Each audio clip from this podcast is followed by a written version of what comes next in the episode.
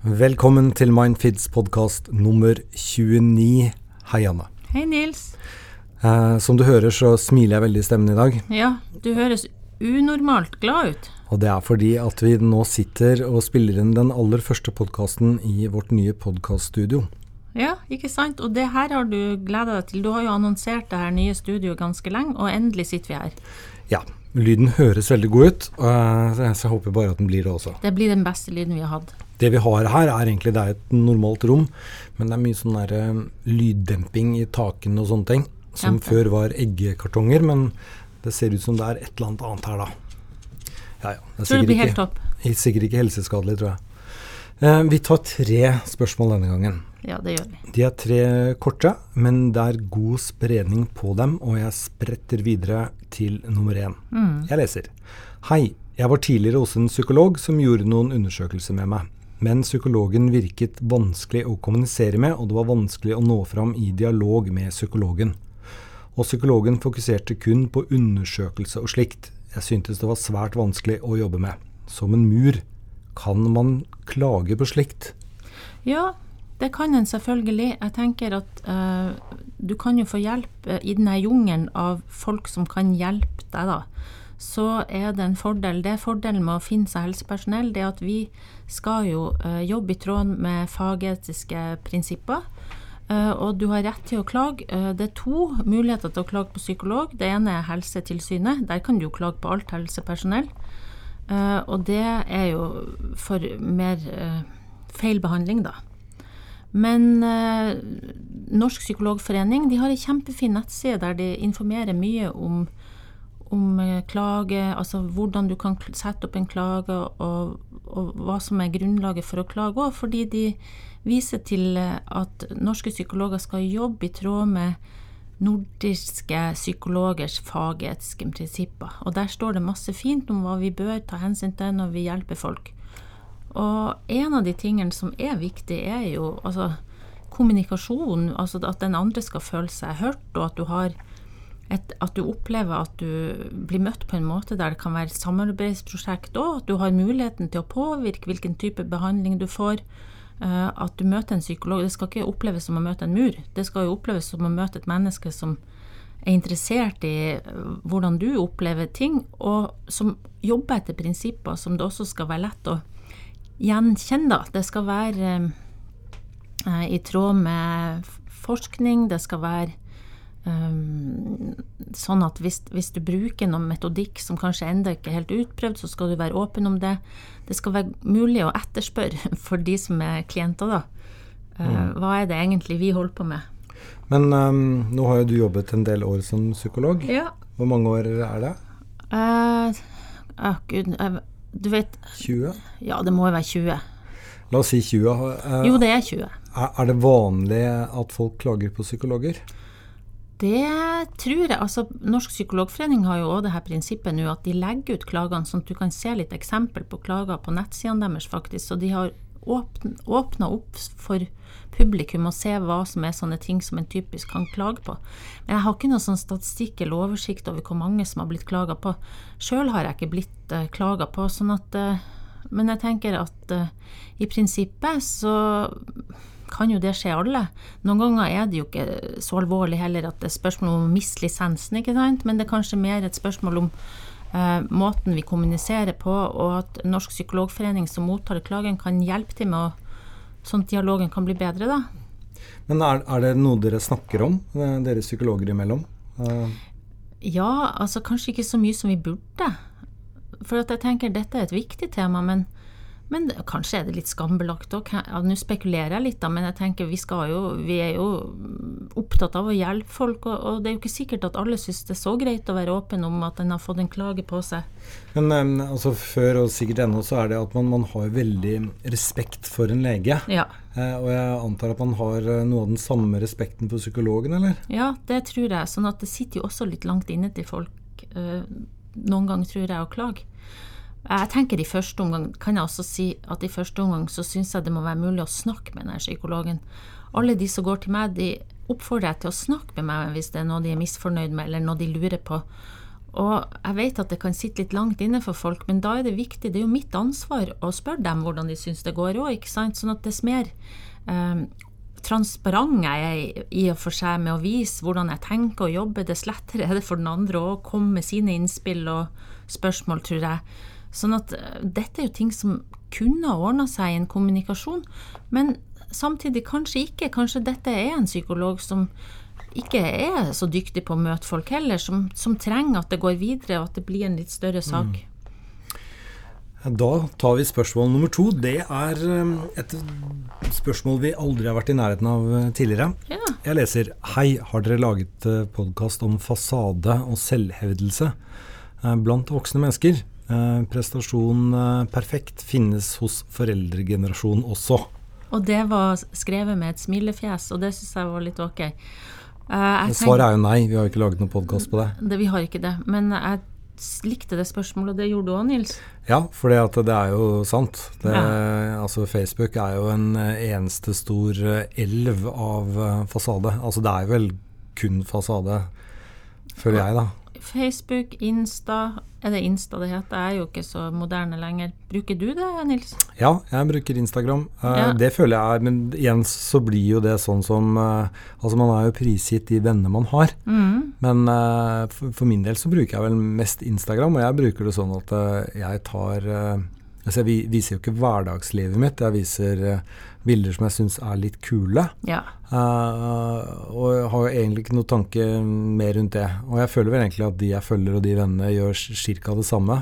Og da Men, ser jo alt litt kult ut òg, ikke sant. Så det er jo sånn det er for oss alle. Vi legger jo kanskje ikke ut dårlige dager eller hverdagen vår. Det er jo mer når vi gjør noe spesielt litt utenom det vanlige. En fin strand, et høyt fjell vi har besteget, en sykkeltur, ikke sant. Jeg kjenner meg litt igjen der.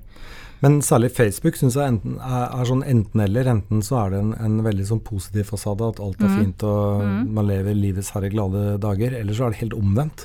Ja. At det egentlig er sånn negativ fasade. Ja, altså Noen bruker det jo til det. De bruker det til å fortelle at nå er de på sykehuset, nå har de vondt i en fot. Ja. Så får de masse likes og anerkjennelse på det. Uh, vet du hva, jeg ser jo, jeg legger jo merke til at ungdommer de er jo ikke på Facebook. Nei. Så det, det syns jeg er litt eh, bra over at ungdommer de Altså når du er liksom vokst inn i det sånn som de er, så, så kanskje de tar litt mer avstand òg, da. Det er jo Hvis du ser deg rundt òg, så syns jeg det er jo ofte vel så mye voksne som står eller går med nesa ned i mobilen sin hele tida, og som er opptatt av uh, sosiale medier. Det er jo ikke ungdommene alltid. På meg virker det som de Nei, de orker ikke legge ut skrytebilder. Ungene mine de vil ikke at jeg skal legge ut bilder som skryter av dem. Kanskje de er mer bevisste enn oss voksne, hva tror du? Ja, altså, vi, altså, Snapchat er jo selvfølgelig eh, der de unge er. De er de, altså, statistikken viser jo liksom at uh, altså Facebook eh, Det er vel sånn rundt 80% av alle som bor i Norge som har en Facebook-konto. Mm. Uh, og så er Instagram uh, litt mer populær blant kvinner enn menn. Mm. gjerne rundt sånn type 40 år mm. er, er, det ganske stort. Og så er Snapchat yngre. Mm. også litt mer feminint. Mm. Men um, ungdommen er altså på Facebook, men jeg tror de bruker det mer som en mail. Altså, yeah. de, de, har ikke mailen noe lenger, Nei. men altså, det er veldig altså, Det er nok foreldregenerasjonen som bruker det som en plakat for seg selv, for å fortelle liksom, venner og bekjente hvordan man har det. Det er vel nesten bare foreldregenerasjonen som egentlig bruker Facebook som nå. Og de andre ungdommene bruker mer Snapchat og, og, Nå tenker jeg at vi som voksne vi må være bevisst at vi er rollemodeller. Uh, og at eh, da er det jo viktig Jeg tenker det er bra for barn og ungdom å se at voksne eh, ikke bare prøver å fremstå vellykka, men at de tør å snakke om ting som er vanskelig. Eh, F.eks. Har du en dårlig dag, skal du liksom late som du ikke har en dårlig dag? Jeg tror ungene dine og ungdommene merker at nå er det noe som er galt, og at du må lære deg å være litt eh, tydelig eh, sammen med barn og ungdom, sånn at du også går frem som en rollemodell på det å vise ikke bare det vellykka, da. Men, men, her er det jo egentlig, hvis vi skal snakke litt seriøst om det, det gjør vi selvfølgelig, vi snakker jo seriøst om alt, men det er to, to spor som jeg syns er interessant å diskutere etterpå. Eh, det ene er liksom det at eh, det er jo fint da, at eh, vi alle sammen har fått en kanal vi faktisk kan vise det vi har lyst til at de andre skal se. For mm. den kanalen hadde vi ikke før. Mm. Men før så var det jo slik at det var et tyranni med ukebladene. Eh, altså at unge, ungdom hele tiden så hvordan de rike og berømte hadde det. Og vi diskuterte liksom at hva slags effekt har dette på de unge. At de ser de perfekte Hollywood-menneskene og sånn i ukebladene. Eh, nå er jo dette blitt mye mm, sterkere i og med at man blir si, hermetegn bombardert ikke bare med det perfekte fra de du følger, som er fortsatt av Hollywood-folk og sånne ting på Instagram og alt mulig rart, men man kan også da bli deprimert kanskje av å se det perfekte livet um, tilsynelatende uh, til den du gikk på skole med i 8. klasse som du ikke har sett på 20 år. Jeg vet ikke. Kan det føre til depresjon, tror du? Ja, jeg tror det. Jeg tror også det er gjort noe forskning som viser at det å sammenligne seg på sosiale medier gir noen depressive symptomer. Uh, og det tror jeg nok uh, Jeg vet mange av de som går til meg, at, at, vi jobber faktisk med det å redusere tid du er på sosiale medier, spesielt når du har dårlige dager. Fordi de innrømmer jo at de blir egentlig i dårlig humør av å se på det. Så de må nok holde litt avstand og være litt bevisst hvor mye tid de bruker på å se på det. Enda de vet jo innerst inne at dette er jo ikke virkeligheten, men de blir påvirka likevel. så jeg tenker at ja, klart du kan bli nedfor av det. Og så syns jeg igjen det Altså Voksne har jo helt ukritisk egentlig tatt imot alle de her Altså, jeg syns jo voksne er vel så ille som barn og ungdom. Jeg må jo bare få sagt det. Og jeg skulle så gjerne ønske at vi som var voksen, kunne bli litt mer bevisst hvor mye vi er på mobilen vår, og hvor mye vi prøver og altså er inne på de her mediene og sjekker. og hvor mye vi er opptatt av å fremstå så perfekte. Jeg, jeg tror det, Vi må jo begynne, vi òg. Vi kan jo ikke bare vise ungdommene våre at vi er med på galeien hele tida. Nei, jeg føler vel egentlig at det er vår generasjon som på en måte har ødelagt um, sosiale medier med å lage fasade og, og sånne ja, ting. Ja. Og at heller de som kom etter har et mye mer uh, nøkternt og ja, ålreit forhold til det. Så jeg tror egentlig de, de, kan lære oss ting, um, faktisk. Det var godt sagt. Men det er også et sånn motord for tiden at det er veldig mye fake news. Altså at uh, tradisjonelle medier um, egentlig ikke skriver sannheten. Uh, og det får så være, men at sosiale medier i alle fall ikke er en, uh, et sannhetsserum, det er det to streker under. Det må bli siste ord, det synes jeg det er jeg helt enig i. Men jeg syns det er kult at vi har en kanal hvor vi også kan vise konfirmasjon og litt fasade, må jeg innrømme da. Altså alt med måte, er det ikke det? Jo, vi tar eh, spørsmål nummer tre. Det er også et, eh, et, tema som ikke vi har vært innom, eh, i hvert fall ikke slik spørsmålet er formulert her. Jeg leser om en person er introvent og samboeren er ekstremt ekstrovent, eller introvert og ekstrovert, og det er masse besøk, middager, gjester og mye tilfeldig besøk og sånn, samt også fått et barn som da fører til en del flere besøk med masse folk rundt seg, kan da den introvente personen utløse posttraumatisk stressyndrom? Ja, jeg, jeg tenker at uh, om ikke posttraumatisk stressyndrom, så tenker jeg at dette absolutt kan være en stressbelastning hvis det ikke det gjøres med måte. Det gjelder jo begge veier. Det som ofte er med folk som er introvert, Eh, det er at eh, det er jo ikke sikkert at de alltid ønsker å være for seg sjøl og alltid trekke seg tilbake. De har jo behov for å ha kontakt med folk. Sånn at det er jo sunt òg, ikke sant, å ha arena der du møter folk og være sammen med andre. Og hvis du har funnet deg en partner som er ekstremt ekstrovert, så har du jo på et vis uh, Da har du jo blitt litt tiltrukket av det òg, så det er jo noe du søker i det ekstroverte òg. Men jeg tror eh, det å være sosialt sammen med folk eh, Det er ikke sånn at det er påfyll for oss alle sammen. For noen så er det også noe som tapper litt. Eh, kanskje en blir veldig opptatt av hvordan en oppfører seg. Kanskje en er veldig sånn sensitiv for å ta inn alle inntrykkene. En snakker om at, at vi i ulik grad er sensitive òg, ikke sant.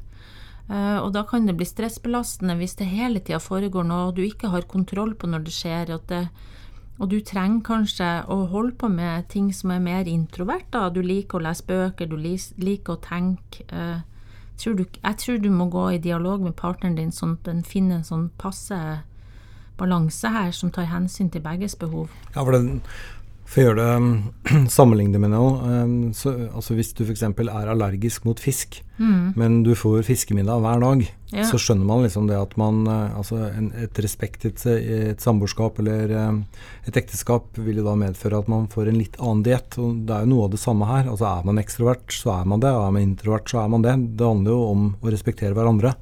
Jeg tenker også at en som er ekstrovert, noen ganger har eh, sikkert gått over slappa litt, og ikke bare være i kontakt med folk hele tida. Det er noe med alle de inntrykkene som hele tida skal bearbeides, da. Um, Posttraumatisk stress, det, det blir noe annet, hvis du skjønner. det. Stressreaksjoner, ja, men posttraumatisk, det handler jo om at ting er traumatisk. Da skal det være mer en opplevelse av at ditt eget liv eller andres er- at du er i fare. Det er en sånn far, opplevelse av fare. Men stressreaksjoner, absolutt, det tror jeg. Så um, der er vel egentlig rådet nei. Men uh, for guds skyld, snakk sammen. Det her handler om å vise at dere har respekten for hverandre. Ja.